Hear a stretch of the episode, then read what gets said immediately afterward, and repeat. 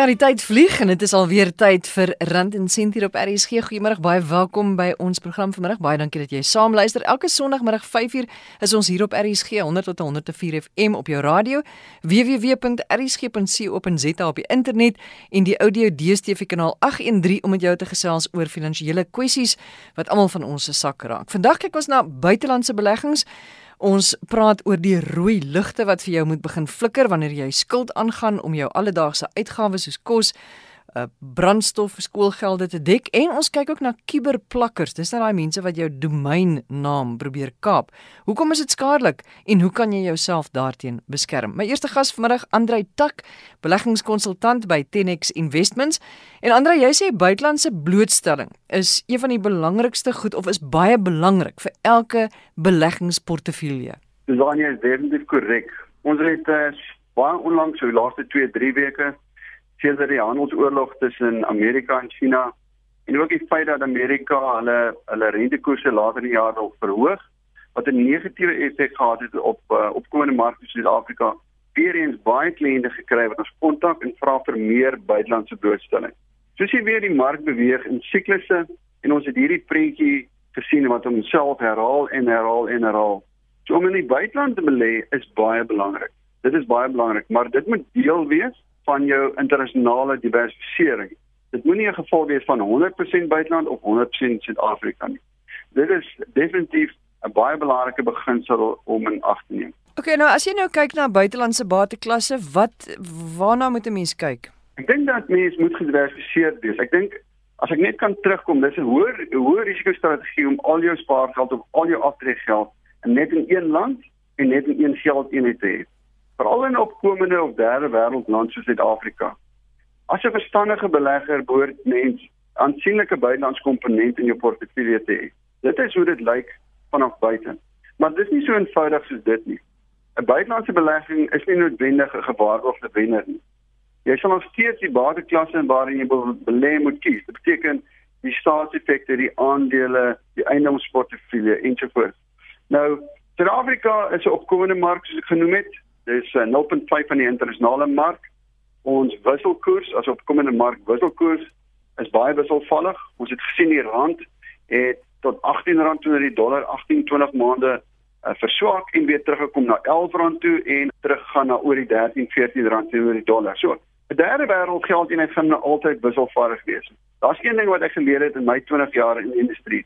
Ek sal nooit 'n wenskap teen die dollar neem nie. Die dollar is die wêreld se geldeenheid en baie sterk. So om internasionaal te belê is dit baie goed om die volgende te doen.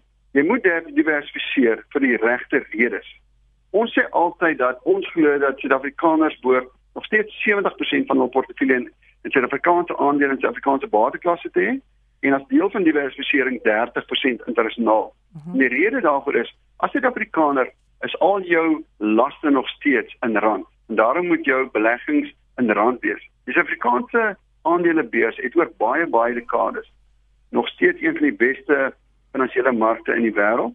So ons glo dat jy moet gediversifiseerd wees, maar om in die buiteland te belê, kry jy dan ook blootstelling in eerste wêreld geografiese streke en eerste wêreld maatskappye soos IBM, Apple, Microsoft en so voort. So dit is baie belangrik dat jy deel van jou interesse van jou totale belegging 'n buitelandse blootstelling het In die begrotingsrede hierdie jaar in Februarie het die minister van Finansies aangekondig dat aftreefondse, dit beteken bewaringsfondse en uitdrukkingssaniteite nou tot 30%. Voorheen was dit regulasie 28 25% maksimum in die buiteland mag belê. Jy kan nou 30% die maksimum in die buiteland belê. En wanneer jy in 'n lewende anniteit is, hoef jy nie in regulasie 28 te voldoen nie. Maar ons waarsku ook maar net vir kliënte wat in 'n lewende anniteit is, beteken al die pensioengeld is nou in 'n pensioenproduk om dan ook maar net seker te maak dat dit gediversifiseerd is en nie 100% oorsee in Suid-Afrika situasie is nie. Jy praat nou van 'n pensioenfonds produk, maar jy werk by 'n groot maatskappy, jy het 'n ja. pensioenfonds. Jy het nie altyd ja. noodwendig die belangstelling of die insaag in daai fonds en waar jy belê nie, maar ek neem aan dit is baie belangrik om seker te maak dat die maatskappy waar jy werk se pensioenfonds in so 'n mate bestuur word dat daai geld dan nou ook 'n sekere deel van daai geld in buiteland belê sou wees. Definitief. Ek dink die beleggingsmaatskappye in Suid-Afrika is baie baie streng gereguleer en hulle hou absoluut by die riglyne wat die pensioenfonds wet vir hulle daar stel en ek moet sê ek is as 'n mede-Suid-Afrikaner baie trots. Ek dink ons internasionale beleggingsmaatskappye is van die bestes in die wêreld en dat ons dat die strenge regulasie en die nakoming baie streng toegepas word. Baie van ons of die meeste van ons maatskappye eh, maak ook voorsiening van hierdie 30% eh, buitelandse blootstelling en dit kan ons sien. Daar's 'n Engelse woord en die woord se naam is prudent. Dit beteken ons as beleggingsmaatskappy sien om na kliënte se aftreegeld en ons moet dit op 'n manier belê wat dit moontlik maak dat dit versigtig of omsigtig belê word sodat daai kliënt die skommelinge in Suid-Afrikaanse en internasionale markte kan weerstaan. En dis waar ek na die woord prudent of omsigtig ja. verwys. So dit is definitief in plek. Ek dink Suid-Afrikaners kan gerus wees dat maatskappye wat met die finansiële dienste raad, die FSB in Suid-Afrika geregistreer is, definitief hulle huiswerk baie noukeurig doen en baie baie goed gereguleer. Maar Andre, daar moet 'n mens ook gaan na 'n maatskappy wat relatief bekend is aan jou. Uh jy weet, daar is 'n paar groot of daar is maatskappye wat wat bekende maatskappye is en ek dink dis dan veiliger om by hulle te hou. Dit is definitief dat jou grootste maatskappy. Ek ek dink in een spesifieke maatskappy wat vandag 'n baie goeie handelsnaam is in Suid-Afrika. Hierdie maatskappy het uh, staan 45 jaar oud en hierdie maatskappy was vir die eerste 30 jaar van sy bestaan on totaal onbekend. Maar die maatskappy het as gevolg van die goeie aanhoudende opbrengste wat hy lewer en kliëntediens wat hy vir sy kliënte gee, ongevestig is 'n baie sterk handelsmerk. So dit is definitief so dat daar maatskappye wat meer bekend is, maar ek dink mense moet gaan kyk na die na die faktore wat hulle onderskei. Wat is die beleggingsfilosofie Wat is dit wat hierdie maatskappy vir jou as kliënt probeer doen? Wat is die distribusiemodel? Wat is die kostes wat jy betaal? Ek dink ons as individuele kliënte moet dringende vrae vra met die geld wat ons belê.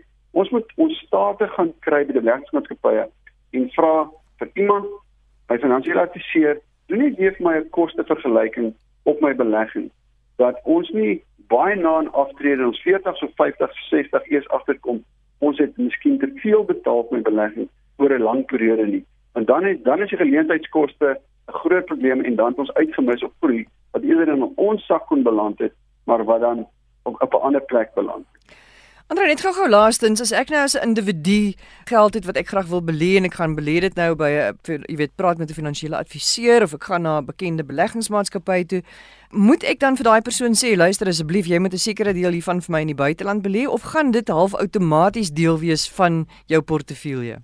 'n goeie gekwalifiseerde finansiële beplanner sal seker maak dat jy gediversifiseerd is. Ek dink dis een van die eerste goed om voor uit te kyk maak seker in jou gesprek vra vir die finansiële adviseur wat is my Suid-Afrikaanse blootstelling? Wat is my blootstelling tussen die bateklasse in SA wat is my internasionale blootstelling? En so sal jy sien dat dit nie net 'n fonds is of fondse wat gekies is as gevolg van ons historiese opbrengste nie, want as jy kliënt belê, belê jy mos vorentoe na daai groot doelwit vorentoe. Te veel foute word gemaak wanneer historiese fonds wat stories goed gedoen het, gewilde fondse is nie noodwendig die fondse wat in die toekoms gaan goed doen. So 'n gesertifiseerde finansiële uh, beplanner met uh, wat ons noem 'n certified financial planner CFP kwalifikasie wat behoort aan die aan die nodige regulering sal vir jou in alle omstandighede en behoort ook vir die regte advies te bedien. Ek is seker dat dit wel deel van die oplossing sal wees. Baie dankie Andrei Tak, hy is 'n beleggingskonsultant by 10X Investments. En ons gaan binnekort ook met hom gesels oor die verskillende bateklasse waaraan 'n mens eintlik behoort te belê. Ons gaan aan met rand en sent hier op RSG. Matthys Potgieter, 'n bekende gas hier by ons. Hy's 'n skuldkenner by DebtSafe. Matthys, altyd lekker om met jou te gesels en altyd baie nodig om oor hierdie goed te praat. Want vanmiddag wil jy dit vir luisteraars op die hart druk dat hulle nie skuld moet maak om vir alledaagse uitgawes soos jou kos, jou brandstof, skoolgelde en daai soort goed te betaal nie. Want jy sê dit is besig om al hoe meer en meer te gebeur dat mense dit doen. Dis 'n baie baie groot tendens tans en ek dink as ons gaan kyk na die ekonomiese klimaat vir die Suid-Afrikaanse verbruiker, is dit ongelukkig relatief moeilik daar buite. Dit is nie maklik nie. So die maklikste opsie wat ons dadelik het, is om ons lewenstyl te begin voed op krediet. Wat beteken ons spandeer geld wat ons nie het nie op 'n lewenstyl wat ons nie kan bekostig nie. Dit is die basiese harde feite daarvan. Ongelukkig sien ons dit al hoe meer gebeur. Basiese goeder soos mense wat begin voedsel koop of kredieniersware koop op 'n kredietkaart of om 'n rekening oop te maak by 'n kettingwinkel om te begin kos koop. Dit is een van die groot gevaarpunte wanneer mens basiese goederes op skuld moet begin koop waar jy moet oorleef op skuld. En en dan moet rooi ligte vir jou begin aangaan. Want dan moet ons begin herëvalueer oor hoe lyk my finansiële posisie? Wat kan ek regtig bekostig? Wat het ek nodig en en wat het ek nie nodig nie? En dan moet ons begin daai plus en minus som maak. Maar ongelukkig is dit iets wat verseker gebreek. As ons kyk na die afgelope ruk in Suid-Afrika, die die stygings van BTW het versekerde impak op die persoon se lewens lewenskoste. Die stygings van brandstofpryse het versekerde impak. So die Suid-Afrikaner is onder druk. Alles raak duurder, maar ons kry nie noodwendig altyd die inkomste hmm. om daai te regverdig nie. So ons moet begin anders te dink oor situasies. So as jy vanmiddag in 'n posisie is en jy weet, kyk baie mense het rekeninge by winkels waar op hulle hulle klere koop en waar op hulle uh miskien kos koop, maar jy betaal daai rekening aan die einde van elke maand, moet jy daai rekening afbetaal. En as jy dit nie kan doen nie, dan moet jy weet jy's in die moeilikheid. Dan moet jy ekstra hard luister vanmiddag. Wat doen jy? Die eerste ding is is dat wat ons altyd sê daar's niks fout met krediet nie. Krediet is nie noodwendig 'n verkeerde ding nie. Dit hang af hoe jy dit bestuur. As jy byvoorbeeld jou kos koop op 'n krediet maar aan die einde van die maand vereffen jy daai daai rekening 100%, is daar niks fout daarmee nie, want daar is ander plekke waar jy byvoorbeeld punte kan kry en daar's allerlei sulke goedjies ook, so ek verstaan hoekom mense dit doen. Die eerste ding wanneer jy besef jy is besig om oor die lyn te trap en jy's besig om nou in 'n gevaar area in te gaan is om regtig 'n begroting te gaan opstel en te gaan kyk wat kos goeders my wat is my maandelikse uitgawes en hoe lyk my maandelikse inkomste. As my uitgawes obviously hoër is as my inkomste beteken dit ek is in die rooi ek is in gevaar en dan moet jy vir hulp gaan soek. Daar is geleenthede om te gaan aanklop by iemand soos 'n skuldberader wat jou kan help, wat assessering kan doen en kan kyk hoe lyk jou situasie en jou daai verligting vir jou kan gee op 'n maandelikse basis. Die tweede ding wat mense moet gaan kyk is as jou inkomste nie noodwendig by jou uitgawes uitkom nie, wat kan jy sny by jou uitgawes? En ons moet baie versigtig wees wanneer ons praat van sny, want ons moenie sny aan goederes wat noodwendig vir ons gaan moeilik wees nie. Ehm um, iets soos byvoorbeeld 'n mediese fonds is altyd 'n belangrike ding. Wanneer jy 'n kar het wat nog steeds afbetaal word, jy moet versekerings behou. So baie kere is dit die eerste plek waar 'n mens gaan sny is by mediese fonds en by versekerings. Dis nie noodwendig die slim plek om te sny nie. Gaan kyk eerder by Lexite by by luxe goederes wat jy moontlik het soos kontrakte of diensooreenkomste wat jy het met betaal televisie of gym kontrakte of iets soos dit waar jy daar eerder kan wegkom en wegsny. Miskien dalk iets soos 'n selfoon um, oor inkomste. So gaan kyk by ander goederes wat nie noodwendig jou lewe gaan so drasties beïnvloed nie. Die tweede ding is dan moet ons begin kyk na addisionele inkomste. So as ek byvoorbeeld 'n negatiewe balansstaat het, as ons nou in daai terme praat, hoe gaan ek daai inkomste van my kan groei? So wat kan ek addisioneel doen. En ek dink Suid-Afrikaners is ongelooflike kreatiewe wesens. Ek het dit al baie keer gesê ook op jou program is dat ons het vermoëns en ons moet kyk wat is ons binne ons vermoëns en begin werk daarmee. As jy 'n voorbaat bakker of koker of iets soos dit is, begin koekies bak of begin kos uitmaak. As jy 'n ekstra kamer in jou huis het vir hier dit uit vir in ekstra inkomste, gebruik jou voertuig en sien hoe jy dit kan ekstra so so gaan kyk wat jy het en maak werk met wat jy het.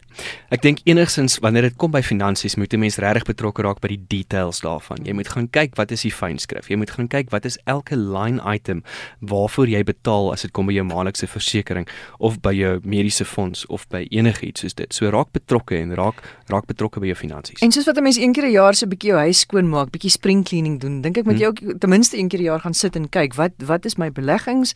Wat is my versekerings? Kan ek dalk hier 'n bietjie spaar? Kan ek dalk daar 'n bietjie goedkoper gaan? Verseker en en goeders wat jy byvoorbeeld aan die begin van die jaar aangeneem het en gesê het jy wil hierdie jaar doen en jy dalk moontlik kontrakte as jy dit nie gebruik het nie raak ontslae daarvan. Ek dink ons is tans in 'n posisie waar ons moet kyk waar ons elke rand en sent kan omdraai. Maar net om terug te kom na die oorspronklike tema van ons gesprek, jy moenie krediet gebruik vir jou basiese behoeftes soos jou kos, jou brandstof, jou alledaagse uitgawes nie. die rooi ligte is aan wanneer jy jou basiese lewensonkoste moet dek op geld wat jy nie het nie. Dan moet jy weet jy is in die moeilikheid. Matthys baie dankie. Dis Matthys Potgieter, hy's 'n skuldkenner van DebtSafe. 'n Domeinnaam is 'n daai webwerfadres wat 'n mens het. Sê nou maar soos www.rsg.co.za. Dit is jou domeinnaam. Dit gebeur baie gereeld dat mense jou domeinnaam probeer steel. En dit kan baie skadelik wees vir jou onderneming en ook vir jou goeie naam. So hoe keer ons dit? Ek praat weer met Arinda Trieter, sy's 'n prokureur by Dingley Marshall Prokureurs in Kaapstad. Arinda, net gou-gou eers, wat is 'n domeinnaam nou presies? Het ek dit reg en waarom is dit so belangrik? In baie eenvoudige terme is jou domeinnaam basies jou webwerfadres. Byvoorbeeld as ek sou sê attorney@law.co.za. Dit is jou domeinnaam. Wat beteken as jy dit registreer, kan iemand byvoorbeeld nie attorney@law.com registreer nie want dit het dieselfde naam in. Jou domeinnaam is baie belangrik aangesien dit amper gesien kan word as jou aanlyn eiendom. En ons almal weet die internet het 'n groot invloed op moderne handel. En jou webwerf is waar jy handel en waar jy jou aanlyn teenwoordigheid bou. So dit is baie belangrik vir besighede om om hulle domeinnaam ten alle koste te beskerm. Maar omdat dit so belangrik is, weet die slegte ouens dit ook. Ek noem hulle sommer kiberplakkers in Engels noem ons hulle cyber squatters en dit is die mense wat hierdie domeinname probeer steel en wat dit dan ook regkry. Maar hoe steel hulle dit? Hoe kry hulle dit reg? Dit is eintlik 'n baie eenvoudige proses. Omdat die registrasie van 'n domeinnaam baie maklik is. Dit werk op 'n eerste kom eerste diensbasis. So jy kies 'n naam en as jy dit eers registreer, is dit joune. So wat hierdie kiberplakkers dan doen, is hulle registreer 'n hele groep van verskillende weergawe van handelsmerkname of besigheidsname en items en in wese steel hulle dan jou reg om dit eers te registreer. So met ander woorde, voordat jy nog gedink het jy gaan jou nou registreer, het hulle al reeds 'n klomp geregistreer. Dan het hulle al reeds 'n klomp geregistreer en dit is dalk net 'n woord van jou naam in mm. of net 'n sin hier, maar dan registreer hulle verskillendes sodat daar 'n groot groep is waaruit jy dan nie kan kies nie. So met ander woorde, as jy nou wou gekies het sê nou maar Susan Stein by RSG, Ehm um, en daar is nou 'n klomp wat daar in Susan voorkom en Stein en RSG, dan beteken dit ek moet nou maar besluit op Susan se plek by RSG of kan ja, dit dan nie? Presies so. Dit is dit is die probleem omdat hulle dan so 'n verskillende groep van hierdie domeinname registreer. Vat hulle dit weg van die mense wat dit actually as 'n handelsmerk het. Maar ek verstaan nie wat op aarde, hoekom sal hulle dit nou wil doen? Wat kry hulle daaruit? Ja, hulle kry daaruit dat as hulle hierdie handelsmerk of naam in hulle webadres het, dan dan assosieer mense hulle jou besigheid met hulle. Wat beteken as iemand op Google intik, byvoorbeeld susanstein@rsg, dan vat Google jou na hulle adres toe in plaas van jou domein. Wat beteken hulle trek voordeel uit die gebruik van jou handelsmerk uh mhm. -huh. omdat kliënte dan na, na hulle webwerf toe gaan Maar hulle kan ook dan kommissie maak uit jou domeinnaam. Byvoorbeeld kliënte deur hulle webwerf na ander webwerwe te stuur en sodoende kommissie maak. So wat hulle daai kry, is omdat jy so graag jou domeinnaam wil terug hê, verkoop hulle dit terug aan jou teen 'n prys wat baie minder is as wat jy oorspronklik sou betaal het om dit te registreer want hulle besef hoe belangrik dit vir jou is en hoekom jy dit so graag wil terug hê. Maar wag, ek moet nou mooi verstaan. Gaan hulle eerste en registreer 'n klomp name en nou kom ek onskuldig en ek registreer my naam en toevallig is daar iets van my naam in hulle naam wat reeds geregistreer is. Is daar nie iets wat my waarskyn sê hoor hierdie naam is reeds gebruik, jy kan dit nie gebruik nie? Ja, sodra jy dit dan probeer registreer, sal die registrasieproses jou uitskop en sê hierdie en hierdie en hierdie naam is amper dieselfde as joune, so jy kan nie dit registreer nie want dit bestaan alreeds en dit is die eienaars daarvan. So dan maar, sal jy nie kan dit registreer nie. Maar dan verstaan ek nie, want dan beteken dit mos dan ek kan jy nie daai naam registreer nie en dan kan hulle mos niks van jou aan jou terug probeer verkoop nie. Ja, maar hulle het dit reeds. So as hulle klaar geregistreer het as Daanstein@rsg, dan besit hulle daai domeinnaam. So as mense op Google gaan intik en soek vir jou op Google om by jou adres uit te kom, dan gaan dit na hulle adres toe en dit is waar hulle hulle voordeel uitkry. Okay. Hoe gaan ek agterkom as ek besigheid verloor omdat so iets aan die gang is? So die eerste manier hoe jy dit sal agterkom is as jy probeer om jou domeinnaam te registreer en die registrasieproses skop jou uit. Maar jy kan dalk ook agterkom dat van jou kliënte sê, Hoorie, ek het na jou webwerf toe probeer gaan en toe het ek hier uitgekom. Of weet jy van die bestaan van hierdie webwerf want dit lyk asof dit aan jou kan behoort. En op daai manier gaan kliënte dit dalk sien as hulle jou Google soek of jy gaan agterkom jy jou kliënte gaan ergens anders en dan kla hulle omdat hulle nie diens van jou afkry nie. Dit gebeur ook. Want dan lyk dit asof dit jou adres is, maar dit is glad nie jy nie. Nou wat moet 'n mens dan doen om jou domeinnaam terug te kry of om seker te maak dat jy nie in hierdie slag gaan trap nie? Jy het basies twee opsies. Jou eerste opsie is om 'n interdik te probeer kry deur die Hooggeregshof. Natuurlik is dit 'n gewone litigasieproses en dit kan redelik lank wees en 'n in 'n bietjie duur. Maar as die hof dan in jou guns beslis, dan het jy interdik om hierdie mense te keer om jou domeinnaam te gebruik en dit moet teruggeregistreer word aan jou. As jy deur die hofproses gaan, kan jy dan moontlik ook 'n kostebevel teen daai persoon kry aan die einde van die dag en jy kan ten minste 'n gedeelte van jou koste terugkry sonder om hulle dan hierdie uitspattige bedrag te betaal om jou domeinnaam terug te koop. Jou ander opsie is om arbitrasie te doen. So internasionaal bestaan daar die internetkoöperasie vir toegewyde name en nommers. Hulle het 'n prosedure begin, 'n arbitrasieprosedure wat genoem word die Uniform Domeinnaam Dispuutresolusie. En dit kan gaan kan deur 'n geakkrediteerde domeinnaam dispuutresolusie verskaffer gedoen word. Hierdie is gewoonlik internasionaal vir domeinname wat eindig op .com of .org. Ons noem dit eerste graad domeinname. In Suid-Afrika het ons gewoonlik tweede graadse domeinname wat eindig met .za. Ons sien dit gereeld.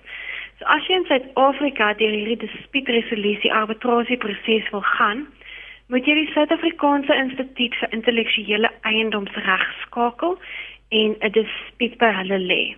Hierdie dispuut sal gebeur dan in terme van ons wet op elektroniese kommunikasie en transaksies. Die arbiter gaan dan luister na jou klagte en gaan vir die kuberplakker ook 'n kans gee om sy antwoord te gee op jou klagte. Binne 20 dae gaan die arbiter na al die inligting kyk na jou klagte, die kiberplakker se antwoord en ook indien jy dan 'n verdere antwoord gelewer het en dan 'n besluit maak op wiese domeinnaam dit eintlik moet wees. Hy kan dan besluit om die domeinnaam heeltemal te kanselleer. Hy kan dit opskort as daar verdere inligting benodig word of hy kan dit dan oordra aan jou en dit behoort nie meer as 60 dae te neem nie.